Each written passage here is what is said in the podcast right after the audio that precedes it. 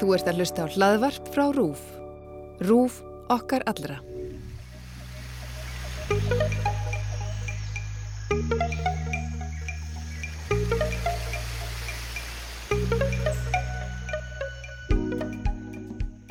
Þá geti hlustandi, þú ert að hlusta á X21 sem er korsninga hlaðvarp RÚF. Ég heiti Guðmundur Pálsson.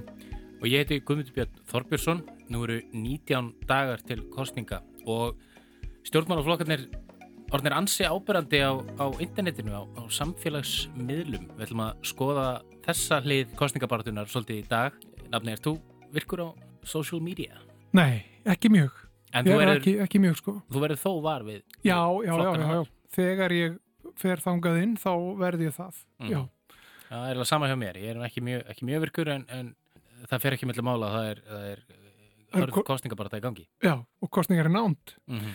Uh, og þetta er kannski byrtist uh, með beinumauðlýsingum að sjálfsögðu sem að sér uh, og svo líka svona frambjóðendur að detta inn sko. Einmitt, Með- einmitt. með- og, og, og Seg, miðlarnir, segja sína skoðanir og, einmitt, og miðlarnir eru fyrir. misjafnir eins og þeir eru margir og, og, og meðan kannski miðlar eins og Twitter þar eru uh, frambjöndur beint að tjá sig með orðum í, þeir eru að gera það í mynd á, á, á Instagram Facebook er svolítið svona orðið eiginlega svolítið eins og gamli skólinn og, og, og, og svo eru miðlar eins og TikTok það sem að uh, frambjöndur uh, gera eitt og annað og, og það er nú kannski svona aðeins meira flip. Já, en við komumst að þessu flippaðir eftir. frambjóðendur. Það, er- skemmtilegt. En við ætlum að forrætnast um þetta. Hvernig frambjóðendur og flokkar geta nýtt sér uh, þennan vettvang sem er já, fjölbreyttur vettvangur uh, eins og, eins og þú segir. Það er, er mismöndi kannski eftir á hvaða miðlum fólk er hvað það er að gera. Mhm, og mhm. hvernig maður kemur uh, skilabóðum á framfæri. Og hvernig þetta virkar á kjósendur. Og í, í síðar hluta þáttarins ræðum við uh, Holmfríður Dani Fríðarsdóttir við þau Ettu Falag og, og Tómas Steindorsson þau eru bæði ja, mjög virk á samfélagsmiðlum og, og þau, þau rýna í hvernig flokkarnir og, og stjórnmálumennir er að standa sig á samfélagsmiðlum hér á eftir. En Já. fyrst Fyrst ætlum við að tala við Sigur Svansson uh, sem er einn eigenda auðlýsingastofunar Sahara. uh, sem hefur tekið saman uh, skemmtilega tölfræði um nótkun stjórnmálamanna og stjórnmálaflokka á samfélagsmiðlum og við Hólfríðu Dagni settumst einmitt niður með honum.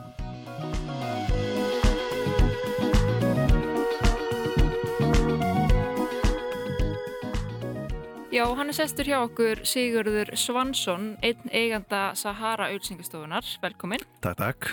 Þið hafið svona verið að fylgjast með hvaða stjórnmálaflokkar eru virkastir á samfélagsmiðlum, eða ekki? Jú, við erum búin að vera að stúdera tölunar frá 25. ágúst eitthvað svo leis og hérna erum svona, kemur til eða bara til við höfum gaman að skoða gögn og tölur og svona og hérna og það er mikil umræð um, um kostningarnar þannig að okkur datt þetta í huga að fara að henda fram þessum upplýsingum fyrir almenning, að reyna að gera þetta aðgengilegra en þetta er til dælu svona nýtt hjá Facebook að ofinbera þessu gögn. Þannig að þetta var náttúrulega ekki hérna fyrir nokkrum árum, kemur til út af Cambridge Analytica og svona meira gagsa í auglýsingum stjórnmálaflokka og svona. Þannig að, hérna, þannig að núna gefst okkur kostur að taka þetta saman. Og hvað takið þið saman? Hva- Hvaða upplýsingar fáið þið? Herri, við erum að taka saman virkar auglýsingar á hverjum degi. Þannig að hvað eru, hvað eru með margar tegundir af auglýsingum í gangi svo erum við að taka hvað eru búin að vera að eyða síðustu sjö daga og svo erum við líka með inni hvað eru búin að eyða á svona síðasta ári þannig að þó að hérna, síðustu sjö dagar séu aðeins meira spennandi sko. þannig að svo erum við að taka fylgjendatölu niður á stjórnmála hérna, fólks og hérna, niður á flokkana og, og erum alltaf að bæta við þannig að spennandi sko. Mm. Hver eru svona helstu niðurstöðna núna? Hver eru með flestar virkar auðsingar og hvernig hefur þetta verið að þróast? Herri, sem sagt hérna eins og staðan er núna þá eru hérna flokkur fólksins ennþá með flestar virkar auðlýsingar og þeir tóku svona, ég var að segja smá þjóðstart á þetta, þeir hérna byrjuði fyrirhaldinu flestir, ekkert með eitthvað rosalega mikið auðlýsingafið en voru konum með mörg skilabóð í gang aðeins og undan hinnum þar á eftir kemur hérna frjálsliti líðræðisflokkurinn, þeir eru með næst mest og svo eru svona aðri flokka svona helmingi færri auðlýsingar eins og sjálfstæðisflokkurinn og framsókn og svona. Þannig að hérna þannig að en svo er auðlýsingar fyrir svolítið svona þú veist, það fer rólega stað. Það er hérna þeir eru ekki háar upp að er þeir sem hefur voru að setja í til að byrja með en maður sér að hérna baráttan er að fara á flug og hérna sumi flokkar eru búin að gefa vel í frá því, hérna, frá því við byrjum að taka tölunar saman. Og hva, hvernig, hvað tölur eru að tala um? Eru að tala um miljónir?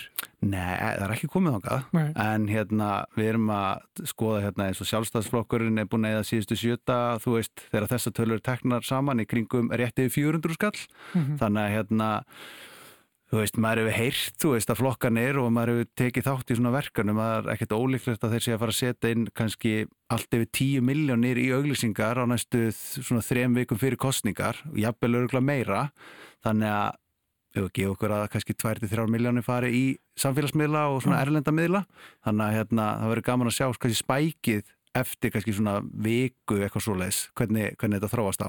En þetta er eitthvað byrtingar. Já. Þetta er kostnar við byrtingar. Já, Þannig að, þú veist, ef að, ef að þú setur inn auglýsingu sem er bara, þú byrjar hana bara til í Photoshop heima hér, það bara kjóstu mig.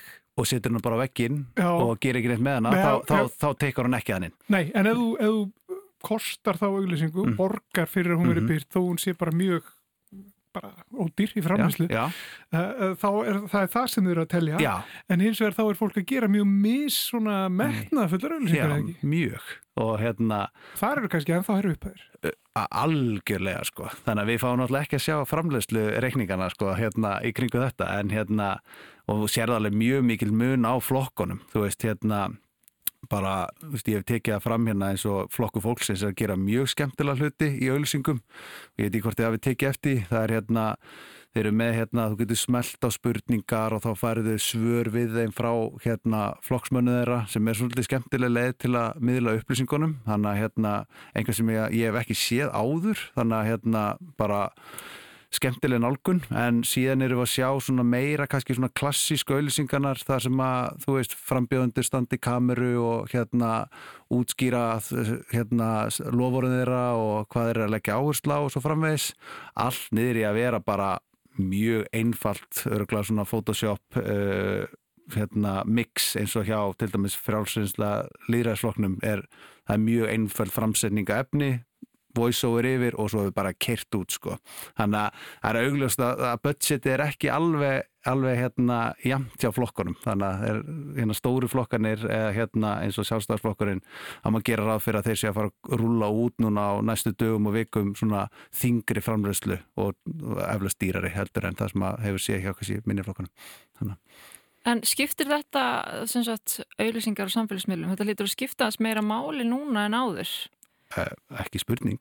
Þú veist það eru alla tölur sem að sína fram á að hérna eins og frá MMR og fleiri skoðanakonunum er að þú veist við Íslandingan erum mjög virkir á þessu miðlum og mér minnir að þú veist seinustu tölunar hafi verið að 70 nei hérna 98% átjónar eldri séu virkir á Facebook. Þú veist þannig að þetta eru tölur sem kannski held ég þekkjast ekkit endilega í öðrum löndum. Svona mikil notkun. Uh, við erum mjög virk á Instagram þú veist við, hérna, við leitum okkur afþreyingar á YouTube við, við googlum mjög mikið. Þannig að hérna, það liggur bein þetta bara vel við að vera með mikinn sínileika í gegnum þessa stafrænu miðla. Þó maður sjá alveg líka að hérna, innlendu miðlanir eru náttúrulega þú veist, er halda alltaf sínu sessi í þessari nálgun, billboardskiltin og prentmiðlanir og annað. Mér sýnist billboardskiltin líka vera bara mjög vinsar hjá flokkunum. Það er, virðist vera bara allir alltaf fara bara all-in þar líka sko. Þannig að hérna, þetta er Allir í strætó. allir, það er bara, það er hérna þú fær hérna, hérna með þess að hérna, fastegnasalur byrjaðir að koma sér inn á milli eins og ég sé frambóði sko, bara hérna, að það er allir kongur á sko, þannig að ekki spurning En svo eru náttúrulega samfélagsmiðlarnir uh, þeir nýtast líka fyrir frambjóðandur persónulega. Jú. Þeir geta verið að segja, ég hef nú hérna alltaf talað fyrir þessu og ég ætla að tala Já. fyrir hérna. Og við sjáum þetta. Frambjóðandur eru á Instagram og kannski sérstaklega mikið þar. eða hvað. Jú, mér finnst það hallast meira þanga Ásmundur endar er byrjaðar á TikTok en hérna, hérna já. va- hann tók á, tók á vaðið en Þeir sem eru á TikTok, já, er það fólk almennt með kostningarétt vegna aldur? herri, það er nefnilega alveg hérna það fer alveg mun herra heldur en fólk heldur. Það þetta er ekki bara hérna úlingarnir og yngstakísluðin þannig að hérna en hvort það skilir sér í kjörkassan að gera eitthvað flip á TikTok, ég veit það ekki. En hérna þess vegna hérna myndum að segja hérna, þeir ætti kannski einbetta sér meira á Instagraminu, það er hérna komin kannski svona þægilega mettaðri hérna hópur þar inn sko. En hérna En jú, algjörlega, þú veist, maður sér líka stjórnmálamenn að vera mjög virka núna og ég hef alveg svona kannski verið með eitthvað svona gaggrin að þú veist, af hverju allir byrja svona rosalega seint. Það er hérna, það verðist vera bara svona nokkur rólegt yfir þeim allt þú veist, frá því að þeir eru kosin eða nýtt kjörtíðanbíl byrjar, þá svona mallar þetta inn og ekkert svona sérstætt í gangi. Svo leið og þú veist, það er að koma kostningar eitthvað, þá fara allir á flug og allir að sigra heiminn.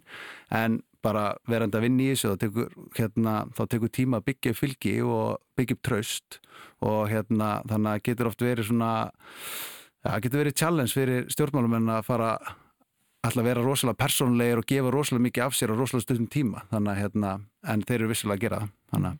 En hvernig hefur þeir þá átt að byrja með þessa herrfriðir? Bara leið og kjörtíðumbili byrjar. Þeir persónlega þú veist, flokkanu fara ekki auðlýsingar og fara, að hamra á, hérna, lofurum sínum bara leiður upp búin að fá hérna, kostningar sko, en, hérna, en einstaklingarna eiga að vera bara að miðla upplýsingum, vera upplýsandi og gefa af sér og annað og ná þessari snertingu. Það er auðveldar að þá að byggja ofan að það til lengri tíma heldur en að reyna, reyna að ná öllum í einu. Það er líka rosalega mikið næs núna, þú veist, það eru allir þannig að hérna, þessuna þó þetta hafi náttúrulega ekkert verið neitt mikið auðvilsika fyrir hjá til dæmis flokki fólksins þegar það voru að byrja en þá voru allan að byrja þær undan. Og maður hefur heyrt svona aðalega verið að hafa séð auðvilsikana þeirra hjapel meira heldur enn hjá hinu flokkunum og þetta er bara svona það sem maður hefur heyrt bara í kringu sig svona. En þar lágur kannski svona einhver svona tækifæri fyrir þá sem minni flokkur að reyna að spæka sér aðeins upp fyrir hérna skoðanakannanir og þetta er ekki oft tala um að þú vilja vera í kringu fimm eða yfir til að láta taka markaður þannig að Já, en svo er þetta mismunandi eftir, eftir uh, miðlum hvað hendar ekki satt? Jú. við erum búin að nefna hérna TikTok. Já.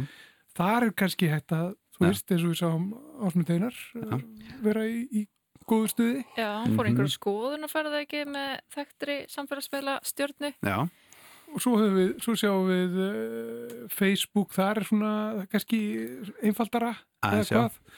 Uh, Instagram hva, hvernig, hvernig er stuðið þar? Það er líkur takkifærin klála í stóri framsendingunni að Já. vera svolítið persónlegur í stóri Það er þetta að fylgjast með frambjöðundan bara í kostningaparti Já, þú veist, og það, þar sér þau kannski munin á hvort þú sér, hvort það sé eðlislagt fyrir þér eða ekki því að þú sér kannski yngri frambjöðundur þar sem að þeir geta talað í kameru og þú veist, tjáð sig og spurt og svarað og allt bara mjög náttúrulegt á meðan þú sér kannski eldri frambjöðundur þeir eru meira kannski bara reposta einhverju myndum samt þar sem þeir hafa verið takkaðir á og svona mm -hmm. og það er svona svona auðveldalegin í þessu öllu saman. En það er svo gaman að veist, það er svo mikið tækifæri að vera mannlegur og allt í gegnum storyformatið. Þannig að og, þú veist, ég er búin að nefna aður áslögu þú veist, þetta er mjög eðlægt fyrir hana. Brynja Danir í frambóði, mjög eðlægt fyrir hana. Marja hjá viðreist þú veist, mjög eðlægt fyrir hana. Þannig að hérna, mm -hmm. á meðan að maður sér segja, eldri hérna frambjöðandi vera í svona auðveldari leðinni þú veist, bara ríposta það er eðlægt það var minna fyrir, eða hérna þeir eru að lappa eitthvað og sína svona yfirlitsmynd yfir eitthvað það sem er mjög einfalt Já, en, en, en er það ekki sko rétt að sumi miðlandir þeir bjóðu upp á líka svona meiri hraða, meiri mm. klipp, kannski músík Já. og alls konar svona hluti sem að, sem að þarf þá að vera með þetta örum og það er kannski þessi eldri sem eru kannski ekkit vanir því, Nei. Eh, bara kunnaða ekki Nei 100% og, og líka halda aðteglinni og ná aðteglinni og... Já, já, þetta er alveg, þetta er alveg veist, kunst, ég er 34 sko, og er að vinna við þetta allan daginn.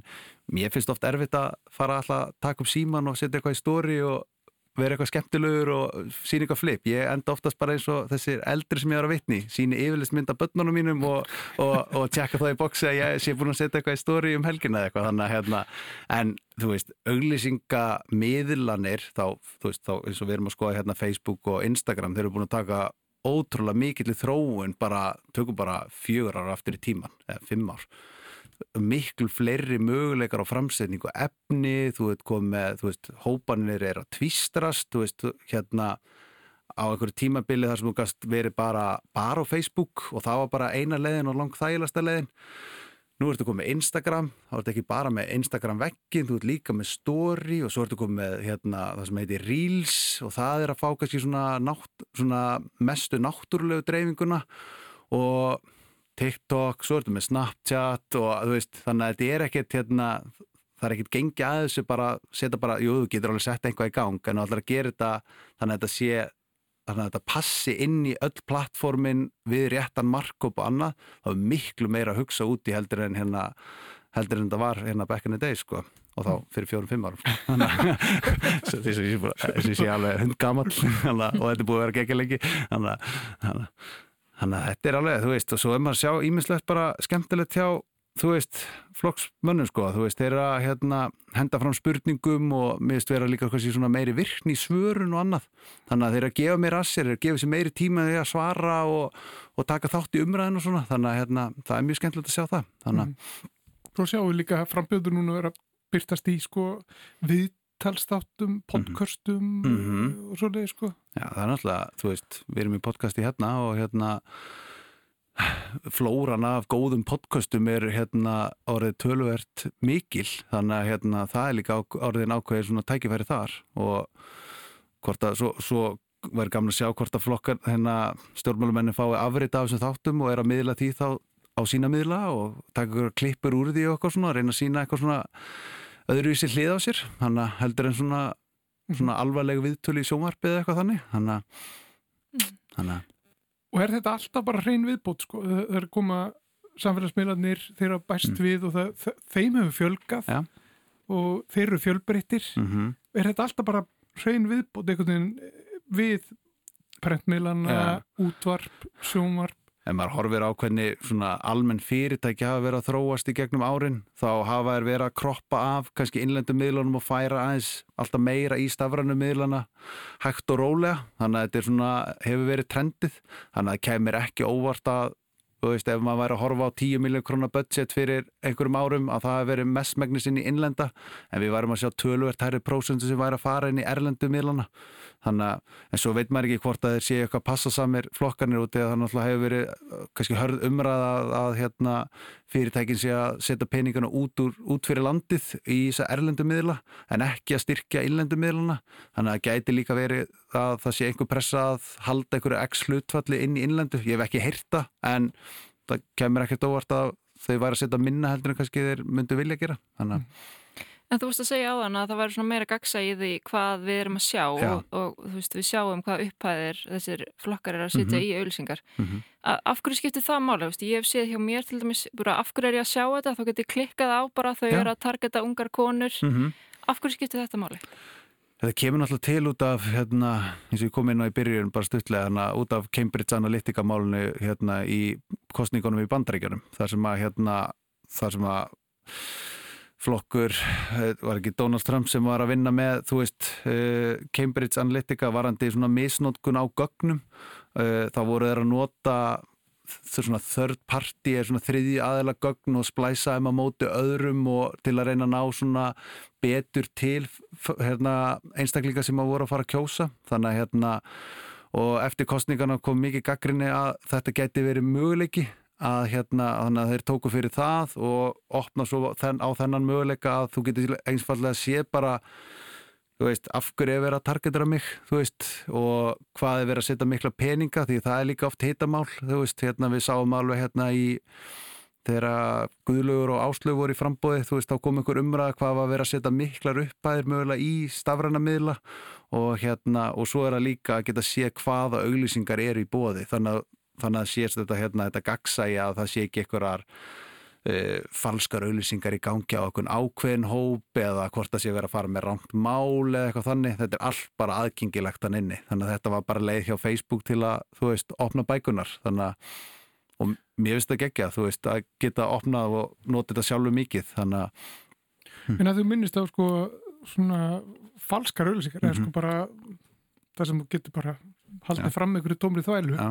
Og, og þetta hefur verið alltaf vandamála um þess að falsfréttir og, og þetta allt saman. Og svo höfum við séð kannski ekki núna en við höfum séð svona nafnlausar uh, auglýsingar. Mm -hmm. nafn, nafnlaus svona hvað var sér, nafnlausar myndir þar sem er búið að skeita einhverju saman og það er mm -hmm. svona þetta er ekki endilega alltaf rétt eða, eða satt. Er þetta varhugavert, er þetta eitthvað sem er búið að taka almennilega á hjá samfélagsmiðlum? Sko, maður hefur séð það í svona stóru kostningunum eins og úti og svona, þú veist, þeir á náttúrulega að vera að loka aðgöngum eins og hjá Twitter og þeir lokuðu á Facebook fyrir svona superakkánta sem að voru þá, voru þeir ítrekkað að fara með falskt mál eins og í kringum, minnum ég hvort það hafi ekki verið í COVID eða og svona líka eftir kostningana þegar Trump var búin að tapa og allt í kringu það, þannig að veist, stóru miðlunir hafa tekið á skari og reynilega bara lokað og sett einstaklinga í bann fyrir að fara með rámt mál sem er bara frábær þróun á því hvernig það hefur verið. Og sína svona kannski e, hver þeirra hugur snýra þessu. En hérna þú veist hvort að vera alveg hægt að loka fyrir það mjög ólíklega, þú veist allan eins og ég upplifa það en þeir geta greipið kannski inni á einhverju tímapunkti. Hvað finnst þér eðlulegt að eigða miklu í auðlýsingar í svona kostningabaratu? Wow. Sæli nú sko, erfið spurning sko.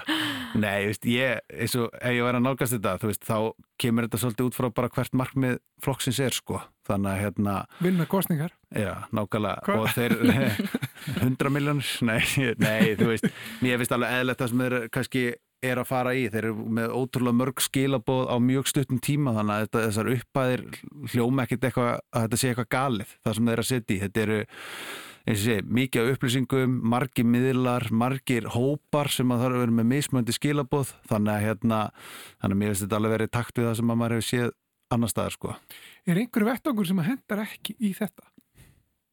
Er einhver svona, einhver, einhver, eitthvað á netinu sem að ekkert sem að ég svona með dettur í hug, þú veist, ég myndur ekki að setja TikTokana, þú veist, hvort að það sé relevant sko, en hérna út í að það er líka bara mikil vinna að vera svona, svona, hvað ég segja ég leiði mér að sleppa þetta bara, authentic þú veist, inn á þessu miðli og að fara eða tíma að reyna að gera TikTok mynd ég hef alveg reynd að gera skemmtileg TikTok mynd og það er bara hellingu tíma í og ég held að tíman sem bara betur var í eitthvað annað sko. þannig að þannig að kannski, kannski einbita sér að öðrum miðlum áður en að fyrir TikTok ég, ég, ef maður tekur bara gókunaröðina bara Facebook, Instagram og svo ef þú ert búin að hámarka það og ert geggjaður og þá hérna þá kannski það opnar á okkur aðra miðla þannig að En Snapchat, hvað er það núna?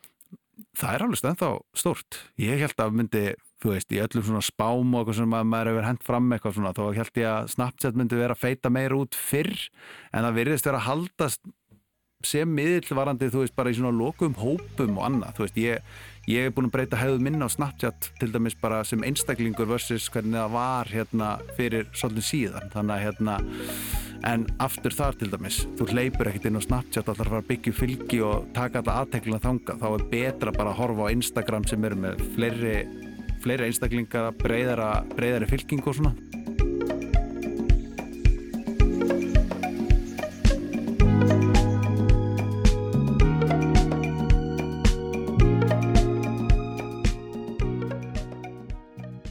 okkur eru sestar tvær samfélagsmiðla stjörnur, ég held að sé óhætt að segja það, þetta Falag eh, þáttastjörnundi og fjármálafræðingur og um, Tómas Stendosson, ég, ég veit eða ekki hvað ég á að segja meira. Uh, ég er náttúrulega ekki sama samfélagsmiðla stjarn á þetta kannski, en ég er á Twitternum. Einhvers konar, konar stjarn. Það er þetta með útvarsmann núna, er þetta á exinu. Það var alltaf alltaf vesen áður sko, mm -hmm. hvort ég væri vinnukall, að vinna að smíða eitthvað svona. Já. En nú er það bara orðið, let's say, titill. Einmitt. Edvards maður. Já. Þetta myndið þú, myndið þú kynna þig sem, sem þáttastjórnund aðalag, nú reykur nú eitt visalsta hlaðarplansins. Já, allir það sé ekki bara það, það er sem ég vinn við í dag og það er bara það sem ég er að gera í dag. Þið fylgist bæði vel með á, á samfélagsmiðlum og þess vegna eru nú komin hingað. Eh, Kanski bara svona almennt í byrjun. Eh, hvernig finnst ykkur litrófið vera á samfélagsmiðlum hjá, hjá stjórnmálflokkunum? Er þetta, er þetta meira eða minna en þið byggustið? Ég myndi að segja að þetta væri kannski, þetta er bara eiginlega í það átt sem ég held, þetta er aldrei fyrstu, er þetta bara fyrsta skipti sem, sem stjórnmálflokkar eru að nota samfélagsmiðla svona ótrúlega mikið, erum að sjá TikTok, Instagram, þetta ekki Snapchat en, en hérna Twitter og Facebook, þetta er allt bara, það er verið að gera allt og ég er mjög satt við þetta sko, mm -hmm. mér finnst þetta mjög skemmtilegt. Af hverju ekki Snapchat?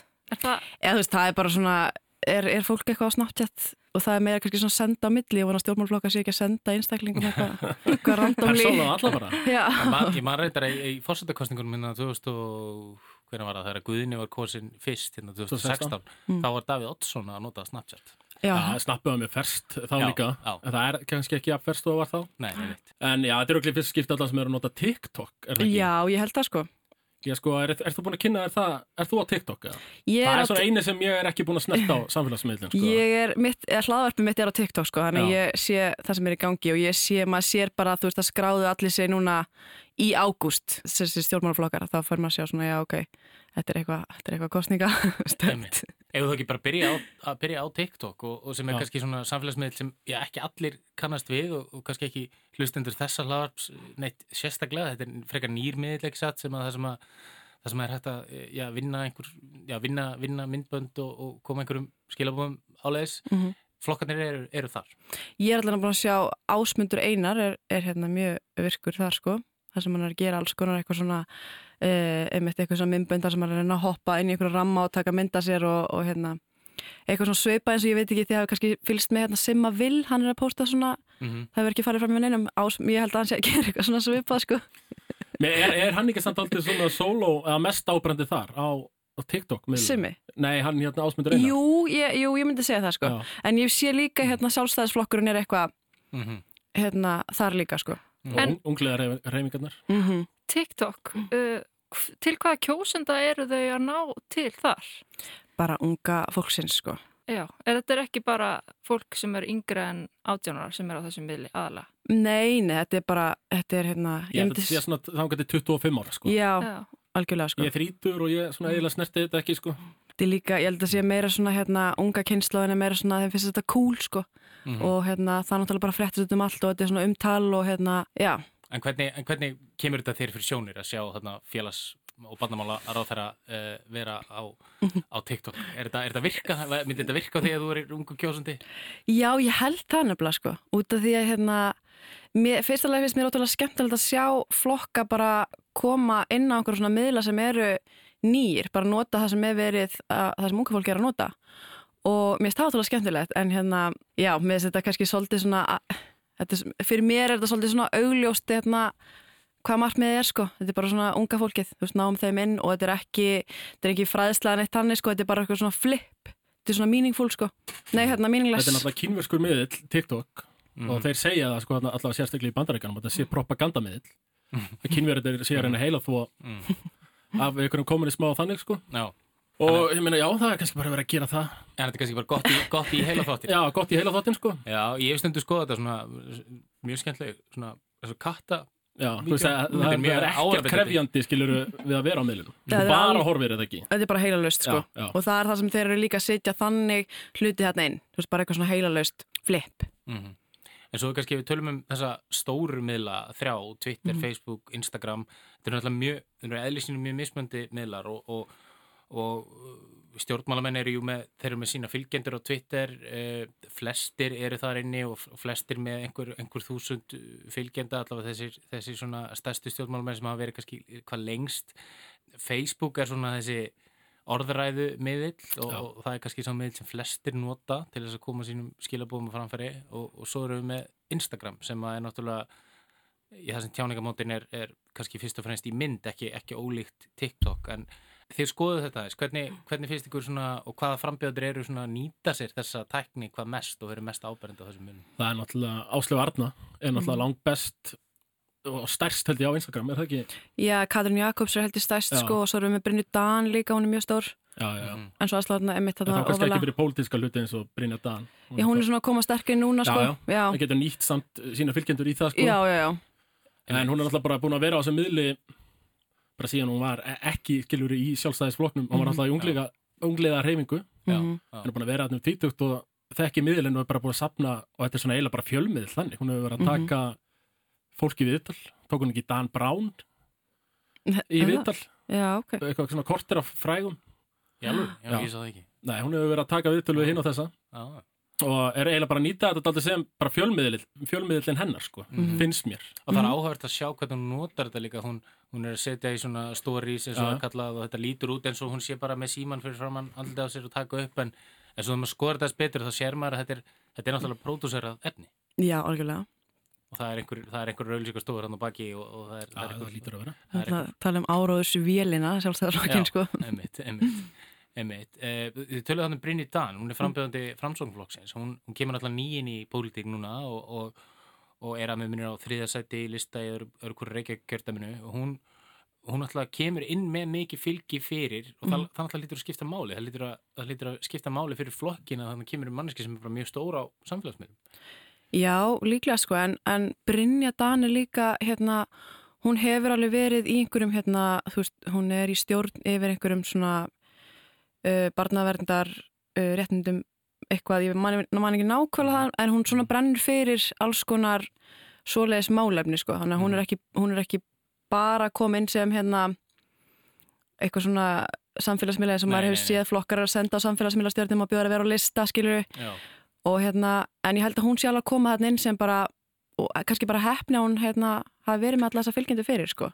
Það lítur að skipta máli að einhvern veginn kunna á miðlin Já, algjörlega sko, ég held að það skipti mjög miklu máli sko. Og ég held að það sé alltaf stert fyrir flokkana að ég hef nú ekki kannad alveg í, í þaula sko, en að sækja fólk sem er með fylgjendur á samfélagsmiðlum mm -hmm. það sé, það er líklega stert sko. Mm -hmm. Já, algjörlega sko Skoðum að Instagram áfram hvernig finnst ykkur svona aðrir aðrir frambjöðu verið að standa sig þar og, og, og, og kannski þessi, þessi svona sem eru, já við kannski tengjum ekki beint við mikla veru á samfélagsmiðlum til að mynda Sigmund Davíð e, miðflokknum, e, við sáum það núna nýlega að það kynnti miðflokkurinn ég sérstaklega filterhúfi, Hva, hvernig, hvernig Já, ég, emitt, ég hérna, sá þetta í gæs, ég var að skoða alla miðlan á Instagram og þau eru búin að kynna svona Sigmundar filter, þannig að þú getur sett andliti á Sigmundi á andliti á þér og með þess að breytist röttin örlítið. Mér finnst að Sigmundi Davíð á Instagram er náttúrulega bara snild, sko. Ég meina, hann fær fólk að tala allir um hann, saman hvað hann gerir. Mm. og mér er bæðið þetta útspil að borða hráa hakkið þarna. Mm. -hmm. núna um daginn spariklættur í, í hérna Náttúrunni. Já, við hafa kynntónum Íslenskt langt best, það fær rosalega mikla umfjöldun Getur við fengið því, Tómi, til þess að uh, prófa þannig? Já, ég þurfa að kenna mér á þetta sko. Þetta er að eini svona fylltirinn sem ég hef séð. Og þetta vakt alveg, þú veist, að því ég fór yfir alla miðluna í gerkvöldi á Instagram. Og þetta, mér fannst þetta svona standa út úr, það var mhm. mjög frumlegt. En er það ekki líka bara pointið sko, umtalið og hérna, allir að deila, allir að dreifa og... Jú, mjög líklega. Þú veist að koma með þetta? Það er að þetta Þetta er náttúrulega bara snild sko. Og á, á svo að heyra stímanni Frá að taka upp. Já, 1, 2, 1, 2, þetta er sem þetta Davíð hérna sem talar. Já, röndin breytist alveg tölvöld sko. Röndin breytist líka sko. Þannig að fáum við tækifæri til þess að vera sem þetta Davíð. Já Þetta, þetta, er, meni, þetta er bara snilt í rauninni sko mm -hmm. ef við horfum bara á þetta sem eitthvað uh, social media PR dæmi mm -hmm. sko já, margir sem hata þetta, það er eitthvað fleiri en elska þetta skilur en, en þetta fær umtal Já, það er eitthvað pointið sko emitt, emitt. og segmyndu fæði sína aðeikli mm -hmm. eh, Svo sjáum við líka að það eru flokkar sem eru að eða já, gríðalum fjármunum í auðlísikaherferð eins og til dæmis flokku fólksins eh, sem að hins vegar veriðist kannski ekki mikið vera að horfa til þessara miðla eins og til dæmis Instagram um, meðan að auðlýsingar þeirra er á öðrum miðlum, Facebook uh, og náttúrulega bara út um allan bæ haldið þetta með að þetta sé taktist hjá svona flokki sem að kannski hugsa Já, málefni okkar eru málefni öryrkja á aldraðara fyrst og mhm. fremst og, og, og við þurfum ekki að leita Ég menna sérstaklega þau eru örgulega leita taldið að sínum atkvæðan til aldraðara og með þau eru mest á Facebook ef þau eru á samfélagsmiðlum yfir höfuð mm. þannig að ég held að sé emitt fyrir flokk fólksins að það var alveg búin að stútira það sko að kannski teku því bara ekkert að fara eitthvað all in í eitthvað Instagram dæmi eða Twitter dæmi sko mm, En það sem ég veist líka skrítið er að, að hérna, þó stóðu sért hérna eða svona hópurinn sé svolítið hérna aldrei er þannig en vilti samt ekki ná til ungs fólk sem á þetta ég og alveg um og afa og mér er þetta amt um gamla fólkið Þannig mér finnst þetta svolítið skrítið að vera bara að nota eitthvað sem miðil sem þú veist fer, eða sem bara aldrei að sjá eða þannig já, já. eldra fólk út af já. því að það er alveg þartu þetta unga fólki líka En maður sér þau eru samt alveg búin að, þá maður kannski, kannski ekki alveg unga fólki lengur, en þau eru að mhm. targeta okkur, maður sér þetta, þú veist, bara sponsort á Facebook. Mm -hmm. Já, ég, að, já. Veistu, já, sjá þetta á Facebook, já. en kannski ekki eins og Instagram eins og Minna, já, tölvöld minna, sko. Ég held líka, sko, ég er náttúrulega með Facebook ekki neitt, bara fyrir aldrei aðeins neila. Og ég sé ekkert frá... Þú er ekkert ára að vera við fólk, eh, fólksins? Nei, nei. ekkert. Hvaða flokkur er svona mest ábyrgandi á svona ykkar veitum? Ég myndi segja hérna uh, samfélkingin og, og hérna, sjálfstæðarsflokkurinn, vinstir grænir líka. Ég held að það er svona kannski stæstir á Twitter, já. það sem ég er kannski það mest. Og Instagram líka. En já. Já, ég held að sjálfstæðarsflokkurinn, ég tek alveg eftir honundaldi á Instagram, mm -hmm. bara þegar maður er að skoða stóri og kemur svona sponsort inn á milli. Sko. Mm -hmm. Og þar hef ég alveg fengið sjálfstæðarflokkin. Já og líka bara það er svo ótrúlega mikið af fólki sem er ekki í sjálfstæðarflokkinu sem er svo tilbúið til þess að promóta sjálfstæðarflokkin. Mm. Mér finnst ég sjá það mest hjá sjálfstæðarflokknum þó að hérna, fólk sem er að kjósa vinstri græna eða samfélgin er ekki svona rosalega bara hérna ótrúlega vókal sko. Það finnst mér ég sjá mjög mikið af ungu fólki sem er svo ótrúlega vókal sem er ekki að vinna fyrir sjálfstæðarflokkinu eða neitt slíkt. Mm -hmm. Það er samt líka sko eins og á Twitter þá eru við með politíkusuna mm -hmm. og svo eru unglegar heimingarna líka daldið virkar. Uh, Já, og það er á sig kannski svona mesta samtali sér stað. Já, í rauninni sko. Og, og það er kannski nýtt núna og ég veit ekki alveg hvað mér finnst um það að þau eru með, komið podcast sko sjálfflokkarnir, unglegar heimingarnar Hæha? Er með podcast að taka viðtölvið já, kannski eitthvað oddvita á sínu flokki sko. Það er alltaf verið að promotera það. Nei, mm. ég veit ekki alveg hvað töts uh, það er að einhlega umfjöldunni klukkutum ég veit ekki, hlust ekki bara að þeir sem er að í floknum á þetta eða svona? Já, það er mitt, það er góð, það er góð spurning góð spurning, það er náttúrulega komin alveg sko, til podcast bara um eila hvað sem er í dag en, Reyndar. En, um, en talandi um þetta og kannski fyrir þá hlustund sem ekki þekkja þá náttúrulega á Twitter er náttúrulega þannig miðill að það geta allir tjáð sig við hvað sem er. Ef þú sendir út tíst þá getur hver sem er uh, kommentað það, meðan kannski á Facebook þá er þetta lokari hópar, lokari búblur. Þú verður að vera vinur viðkomandi til þess að geta tekið þátt í samræðanum ekki mm -hmm. og svo getur maður alltaf gerðið þess að Twitter bara einfallega loka fyrir komment frá einhverjum sko. já, já. það virðist ekki vera svona lenskan allavega mm hjá pólitíkusum að Nei, gera það örgla, örgla, það er bara haldið það svo opnum sko. hjá pólitíkusum að gera það sko. já. já, það myndi ekki ganga upp Svo sjáum við uh, frjálslinda líðræðsflokkin sem er nýrflokkur og, og mælist nú ekki hátt í konunum núna uh, þar eru þeir, fara þeir í farabróti Guðmundur Franklín Jónsson og, og Glúmur Baldvinsson þar er þetta Facebook fyrst og mhm. fremst Já Mm -hmm. Þetta er náttúrulega búið að vera stítin á Guðmundur Franklin og hann er svona, notar alltaf mesta pólitíkusum og það sem ég tekið eftir að hann setur bara kannski að rúnda það setur bara myndavel fyrir fram að sig og mm -hmm. gasar síðan bara mm -hmm. í mhm. kannski klukkutíma -hmm. eða svo og þetta er bara svona eins og að vlogga mhm. kallaði þetta, hann er svona held í eini sem notar það Hvert setur hann þetta? Facebook Facebook, já, já. Er bara sitt persónlega Facebook uh, setur hann bara reglulega mhm. og þetta er reglulega komið á frjálslinda liðræðsflokki núna, hvað mm -hmm. samskonar er það ekki? En þetta er náttúrulega mjög, er náttúrulega mjög heiðarlegt sko, þetta er já, já. mjög heiðarleg og óprúduseiru framlegsla, þú bara tekur upp á símaðin og, og byrjar að gasa eins og þú segir. Mm -hmm. og hérna, höfðar eflust til ákveðinsóps kjósundar og þetta er aldrei þeirra leit bara. Og, og kannski ekki, ekkert gengið sérsklega vel hjá Guðmund Franklin, Nei. hann er alltaf ekki fengið mikið fylgi. En já, þetta er aldrei þeirra stíl En hvaða svona aðferð finnst ykkur svona virka best til að kannski bæði fanga aðtegli fólks og koma að skilabóðum að framfæri? Það sem virka best allan fyrir mig og mitt, svona fólki í kringum mig finnst mér vera sko Twitter og Instagram. Það eru langt flestir þar og auðvelt að fylgjast með umræðin einhvern veginn á Twitter út af eins og segi það er allt opið og allir fá að kommenta, allir geta sett út á það sem er verið að segja, komið aðra hlið og svona. Já, eins og ég, ég er náttúrulega bara aðalega á Twitter og þá lokka sig inn margir þingmenn sem hafa ekki verið aktífur sko eh, á fóriðið kannski svona voru lokað sín í ágúst og þetta verður doldið líjandi og ef ég ætla að segja eitthvað sem ekki virkar eru kannski alþingismenn sem eru bara í sandkassaleika rífast einbyrðis mm -hmm. Þa, það virkar ekki, þú veist, það er bara fráhrindandi í rauninni sko mm -hmm. Mm -hmm. Já, þetta er náttúrulega fyrir allra augum Já, þetta er fyrir allra augum, eitthvað fólk að rífast sko, þetta Þess, það allavega ekki virka fyrir þau sko. og Twitter er náttúrulega líka með þá stefnu að, að það er ekki hægt að edita að laga sko, mm -hmm. tístin en þú getur hins vegar eitt þeim og, og ef þú eigðir enn þá sérst það sko, þá kemur bara svona hóla í umræðinu sko. -hmm. þannig að þetta er svona, já, þetta er svona tví ekki að sver En Áslöðu Arna bæði mitt góð Instagram og svo er hún með daldið sinn stíl og sem er svona stíl uh, líka hjá einhver sjálfstæðismennum svona emoji, þá er mikil notkun svona stikkort í rauninni og emoji við hvert svona orð.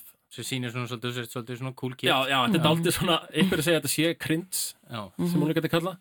En þetta er aldrei þeirra stíl þar að nota emoji-ina grind Já, sjálfstæðsflokkurinn ber held ég bara svona yfirbyrði í uh, social media.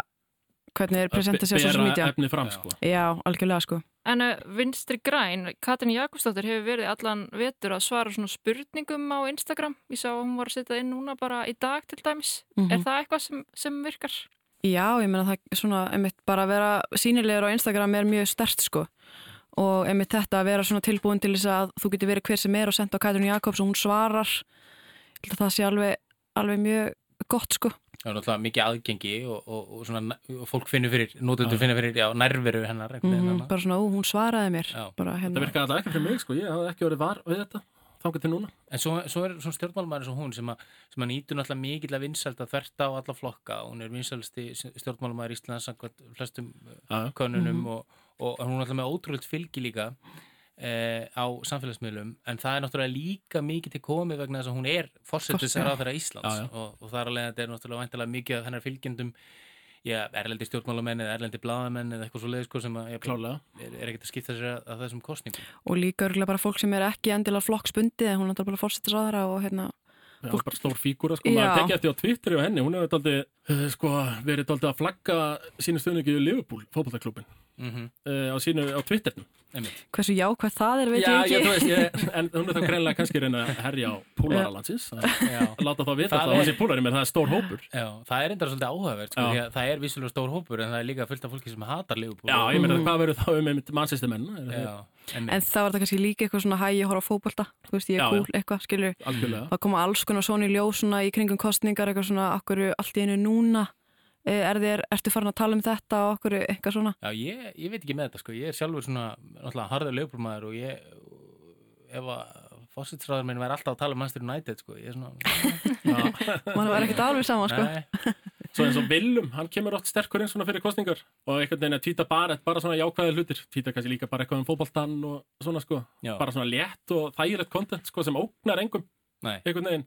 Ég held að það séu þetta aldrei bara gott content sem virkar á mig sko, einmitt. bara eitthvað alveg dipló, hann er til dæmis Dæmi, dæmi sko. um stjórnmálumann sem svona varð virkur einmitt á Twitter svona í aðdraðanda já, kosninga, aðranda kostninga og er, núna er byrjaðar aftur, sé ég sko, Mm. það tók alveg pásu þarna Og eftir að þetta- hann komst inn. Svo getur þetta náttúrulega líka verið taktist því að við, sem, hann er náttúrulega gamall fótboltamaður og fótboltaþjálfari og, og nöyti velgegni þar og, og nýti virðingar innan þess samfélags að það, þá ertu kannski með hóp þar sem er fallega, já, Willum, hann er minn maður Já, og, já, og, það- það- þetta svolítið virkar hjá þetta, honum, sko. Já, Men hann er hérna í Kópavogi, stort fótboltasamfélag í, þú veist, í kraganum. Já, þetta er, er engin, enga tilviljanir rótt á bak við þetta sko. Nei, en mér finnst oft einmitt núna að sjá í kring kostningar og allt einu allir eitthvað rosa vókal og allir vil láta sér heyra og ég fíla þetta og ég fíla þetta það er eitt sem ég finnst, ég held að Ásli og Arna sé eina sem mér finnst sem er svona bara allan ásins hring mhm, mhm. Vist, hún notar bara sína miðla til þess að og er bara konstant með svona það sem hún stendur fyrir það sem hún er að gera og nú er ég, nú er ég algjörlega ekki í flokksbundin eða neitt en ég hef bara tekið eftir, ég tek alltaf eftir því að þú veist, hún er alltaf tilbúin til að taka þátt í öllum viðtölum, viðtölum hvort sem það er kostninga baróta eða ekki Ég held að það sé bara búið að vera stanslust story hjá Óslu Vörnu, bara Mhm. í fjögur ár, skilur, það, það líði aldrei 24 tímar á þess að komi ekkert inn, sko. mm -hmm. Hef ég þetta alltaf á tilfinningunni. Mér finnst það svona, stundum svona meira kannski aðeins trúverðuara einhvern veginn bara Mhm. svona, En getur verið líka að þetta sé trúverður að vegna þess að hún er hún er fætt að með minni 1990 hún er Mhm. rétt skrifinu í 30 og, og, og, og var, hún varð ung þingmaður og þetta sé mér trúverður að vegna þess að þetta er hún og hún er já, Hún svona elst bara upp með þessum miðlum. Já, og- já, en ef við Algjörlega. sko einhvern sem væri að nota þessa miðla en væri, væri svona slæði 50 eða eitthvað og, og nota þetta svona af sama kraft og sömu áfergi og Mhm. yngra fólk að þá væri það kannski Þetta er ekki jafn natúral, sko. Þetta er, þetta er svo Mhm. natúral fyrir henni að setja í story, mm skilur, sem er ekki kannski jafn natúral fyrir, já, eitthvað þingmann sem er kannski um 60. En ég var alveg til að sjá þetta meira sko, hérna, að þetta sé ekki bara, nú erum við alveg, samfélagsmiðlar búin að vera stórir í alveg fjögur ár. Ég var alveg til að sjá þetta meira, hérna, að að nota samfélagsmiðlar svona ógæðslega mikið og vera ógæðslega trolla og gaman alltaf samfélagsmiðlum kostningar. Var alveg til að sjá ef þetta er eitthvað sem þú ert að gera. Þú veist, ætlar að nota þetta næstu, næstu árin eða? vegna þess að einmitt það hefur náttúrulega sínt sér sanna uh, á síðustu árum að, að samfélagsmiðlar eru gríðalegt uh, svona gríðalegu plattform eða vettvangur fyrir bara samfélagslega umræðu og, Mhm. og umræðu sem opnar á stærri málefni Mm En er einhvern veginn, er hægt að vera of mikið, of persónalegur á þessum miðlum, eins og núna erum við að sjá, já, bara sína einhvern veginn of mikið, ég veit ekki alveg hvernig ég útskýra, bara vera, þú veist, er, er það hægt? Það er oftengt fyrir fólkinu, einhvern veginn. eða- Já, svona bara, Það er hægt of að vera úr já, lífi, einhvern veginn. Um, Þú veist, Er einhver mörk hann sem er hægt að fara yfir? Ég held ekki svona Nei. eitthvað sín úr sínu eigin lífi þú getur verið, kannski ertu bara ekki að virka á samfélagsmiðlum, en ert bara að segja á mikið og gera á mikið og verður bara þarlegandi leiðinlegu Já, sko. getur bara Mhm. klúðrað þessu Já, getur klúrað sem er því að segja bara á mikið -hmm. en ég menna þú mátt alveg eða, veist, mér finnst það alltaf lega að sína eitthvað persónlegt efni ef það er áhugavert eða, Mm Mm. þú veist, en það er hægt að vera segja alltaf mikið á samfélagsmiðlum algjörlega. ert bara lélugur sko. en að svona vera aðgengilegur þú veist, manni finnst manni alltaf geta bara svona þú veist, ég veit að þetta áslega fær fullt af spurningum ef ég tek hann sem dæmi alltaf að hérna maður er svona Það er alltaf slæti DM í henni bara. Nei, svona Það tala um að þegar fólk er alltaf sko, ef maður skoða stóri og hún svona poppar upp svona einstaklega sinnum alltaf að mann finnst svona eins og hún sé ekki bara einhver þingmaður lokaður inn sem að bara eitthvað svona heilagt og maður getur ekki haft aðgang eða þú veist, eða, ef er eitthvað sem stjórnar landinu að vera með einhverju svona, svona aðgengilegt Já. að, getur alltaf bara svona spurt spurninga og hérna, En gæti það ekki haft áhrif á trúverðilega hennar sem stjórnmálumanns? jú, að vera svona rosalega aðgengilega þannig. Já, eða þú veist, ég bara velti því fyrir mér. Já, emmitt, ég veit það ekki. Ég, Já, hérna- ég hugsa stundum sko þegar maður sér, þú veist, fólk verður tjásalega gríðarlega á, Mhm. á hérna, samfélagsmiðlum til dæmis blaðamenn Mhm. og maður hugsa sko, byrju, já, þú ert ekki að gera þetta á vinnutíma eða þú veist, hvað, Já. hvað hérna hvena kemst ég að gera það sem þú átt að vera að gera sko. Já, já og, en svo náttúrulega líka væntanlega með þessa, þessa stjórnmálamenn er náttúrulega líka með sína aðstofamenn og, og margir sem að væntanlega ný, nota sér þá á Ég ætla að samfélagsmiðlum sé ekki ykkur aðstofamenn sem eru bara í hálfu starfi við að setja á grammið og klálega sko. það er bara svona social media dæmi, skilur við Mhm. En alveg upplýsingaflæðið er held ég sko Já. meira núna heldur en fyrir fjórum árum þegar maður þurfti einhvern veginn að kjósa, þurfti að ákveða hvernig maður átti að kjósa í gegnum bara einhvern veginn svona fréttamila. Núna finnst mér allt vera svo svona aðgengilegt að mynda sér skoðun á einstaklingum í flokkonum. Einmitt. Ég er að skoða hérna eins aðra, aðra, miðl, nei, aðra flokkar sem við kannski minna rættum. Við sjáum til dæmis að sko, sósialistaflokkurinn er með 205 fylgjendur á Instagram og ennú samt svona, já, nokkuð duglegur að, að, að deila efni en, en það, þar er hann aðalega að vinna með já, svona, svona myndir Já, og, og, og svona, svona myndir með grafík þar sem að, þú veist, hérna, kvotakerfinu mm. lokað, auðlindin á að fara til almennings uh, uh, þetta, er, þetta er svona, já, þetta er svona slagur sem er, sem er hend upp og, og kannski, þeir alltaf fóri eitthvað svona áhugaverða herferð, hvað er kannski hálft ár síðan. Það var svona kostningapróf sem var gert af uh, sósialistum hvað, hvað á að kjósa? Og þá var hægt að verða annarkvort kapitalisti, krati, komi eða sósialisti og allt mjög leiðandi spurningar í þá átt að að það myndi verða sósialisti er loka niðurstaða prófsins sko og það var allir smá usla mm bæði á Twitter að því þetta það var ekkert eitthvað augljóst að sósialista flokkurinn hafi búið sjálf til þessa könnun sko -hmm. Hér sjáum við að viðreistn, viðreistn er, já, er, þau eru nokkuð virk og, og með yfir þúsund fylgjendur og þar er, þar er, eru frambjöðundur að, að taka einn dag sem áhrifavaldur. Uh, nú er það Þorbjörg Sigriður Gunnlaugstóttir, þingmaður sem er að svona, já, tjá sig í, í, í mynd. Uh, Ég hef tekið alltaf eftir viðrið til dæmis á Twitter uh, ungliðarhefingur, uppreist, heitir það ekki Jú, uppreist. þau er alltaf virk, Mm Og það er mitt hlaðvarpstáttur. Já. Mm akkurat og maður sér þau ofta mitt vera að rífast við aðra Já. og þetta er mikið núna verið að rífast í aðdraðanda kostninga Mm -hmm. uh, Sandkassalegur, smá, Sangkasalegur. mér, mér finnst það bara öll missa smá virðingu þegar við fara í þetta fyrir framann all, allra augum sko Já. það er svona mitt uh, teika á þetta sko Mm -hmm. hvernig það er að hafa sér á Twitter allavega Mm Já, það er að vera í Af því að það sko setur í... miklu meiri glansmynd bara eins og á Instagram því þá er þetta bara einhliða eitthvað -hmm. en þarna já, að rífast fyrir framann allra augum finnst mér einhvern veginn Mhm. hallarinslegt á samfélagsmiðlum Mm Ef þið ættu að setja pening á það hvaða flokkur myndi hafa samband við ykkur núna, nú veit ég ekki hvort einhver flokkur hafi gert það, en hvaða flokkur væri líklegastur til þess að hafa samband við ykkur og til þess að svona fá ykkar ráðgjöf um samfélagsmiðla um, nótkun flokkana. Ég veit ekki, ég, ég veit ekki, það, hérna, ég held að, já, mér sýnistu alveg vera með þetta alltaf á hreinu sjálf, sko. Ég held að framsókn geti kannski hatt samband við mig. Já, svona sem landsbyggðin. sölutningur og afið mér bóndi og svona það er svona, ég, svo taugar þetta sterk hjá mér sko verandi utan á landi og bónda Og spilar, og spilar mikið inn á þetta spila þetta inn að þetta Já. kemur fyrir á samfélagsmiðlum samfélagsmiðlum. Ég fylgdist einmitt með þér á Instagram um daginn þar sem þú varst út á Tenerife Já, einmitt og þar fór ekkert um milli mála að þar var útlöndum. Þannig að það er spurning með það sko ég, Já, ég myndi halda að framsóknarflokkurinn Mhm, myndi hafa samband mhm. En ef þið ættið að velja ykkur ríkistjórn bara út frá framistöðu á samfélagsmiðlum, hverja myndið þið sitja saman? Úff, Ég meina upp á það að ná aðtikli og það sem hefur virkað uh, er, minna miðflokkurinn. Er búin að standa sig vel á samfélagsmiðlum sko, þó að það fara kannski töðar á mörgum þá hafa þau fengið umtal. Og filterinn, nýju filterinn nýji filterinn að slá í gegn Mhm. í rauninni. Sjálfstæðisflokkurinn er alltaf góð vél.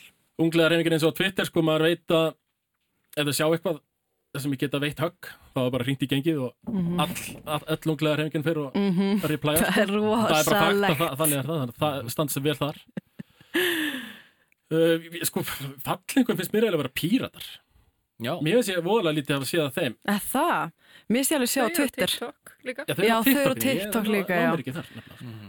En það, já, þeir ná mér heldur ekki á TikTok en þeir eru þar.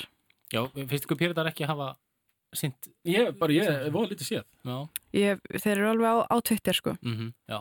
En þeir eru náttúrulega svona tækni sinnaður flokkur Já, svolítið, já, eða svona já, einmitt, maður einmitt. kalla Já, já, einmitt, einmitt En svo er eins og samfélkingin er mjög virðist vera orðið aldrei sterk heilt þarna á Twitter mm með eins og í minni bublu bara sem að sér á Twitter að Kristún Frosta hún er alveg bara, hún er orðin stjarnandaldið Mhm. Hún á það líka bara- Já, hún er búin að standa sig vilja viðtölum og allt það en Mhm. það er búið að hefja hann alltaf upp til skíjana Mér- við að já. hún hefur staðið sér svo vel sko. Ég er svolítið, ég er mjög hérna, ánað með það því að mér finnst hún eiga það svo ótrúlega skilið Mér finnst hún koma svo ótrúlega vel fram og grjóthörð svara fyrir sig og hérna, nefn, ég, ég er alveg ég er mjög ánað með að sjá hérna fólk vera að upphefja hana sko. mm Kemist samfélkingin þá í þína samfélagsmiðla ríkistjórn? Alveg einhverjir í samfélkingunni ég er mjög hérna, ánað með hana og Helga til dæmis.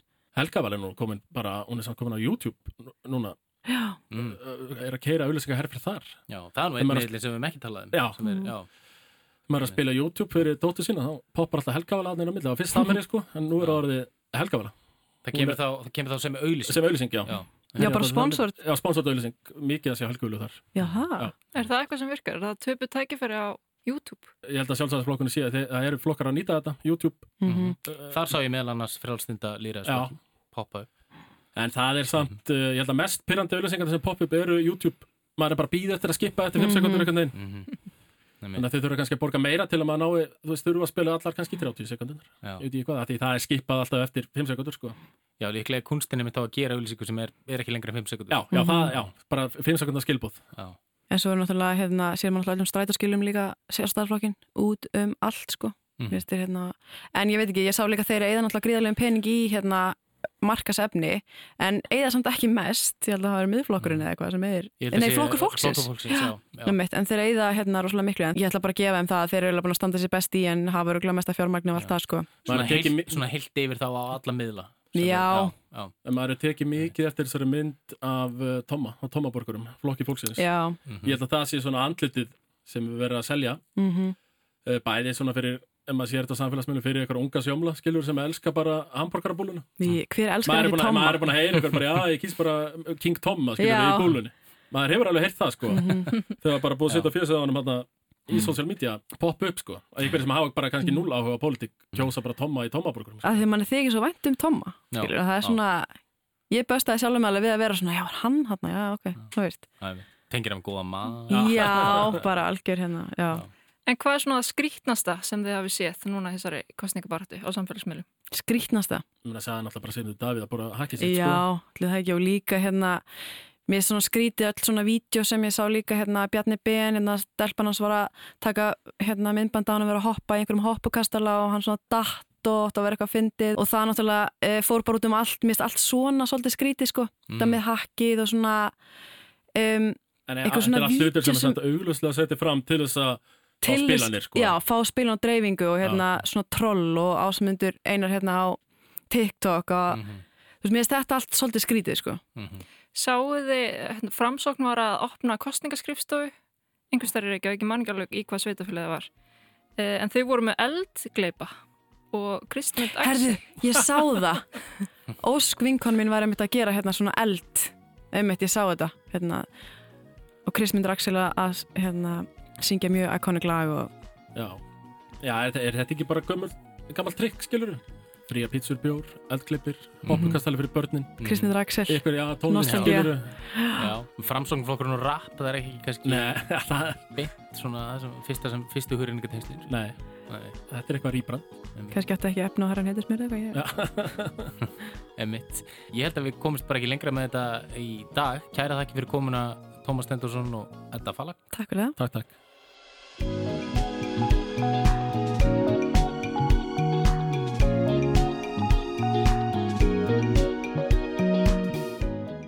Já, þetta voru þau Edda og Tómas sem eru náttúrulega mjög virka á samfélagsmiðlum og margir sem að þekkja þau og fylgjast með þeim þar. Emitt, emitt En eh, X21 verður ekki lengra í dag. Eh, Þáttinn er hægt að nálgast á öllum helstu hlaðvarpsveitum og auðvitað í spilaranum á roof.is Ég heiti Guðmundur Björn Þorbjörnsson og ég heiti Guðmundur Pálsson.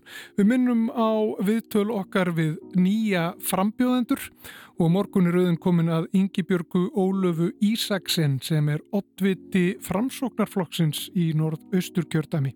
Heyrust þá, takk fyrir að lusta.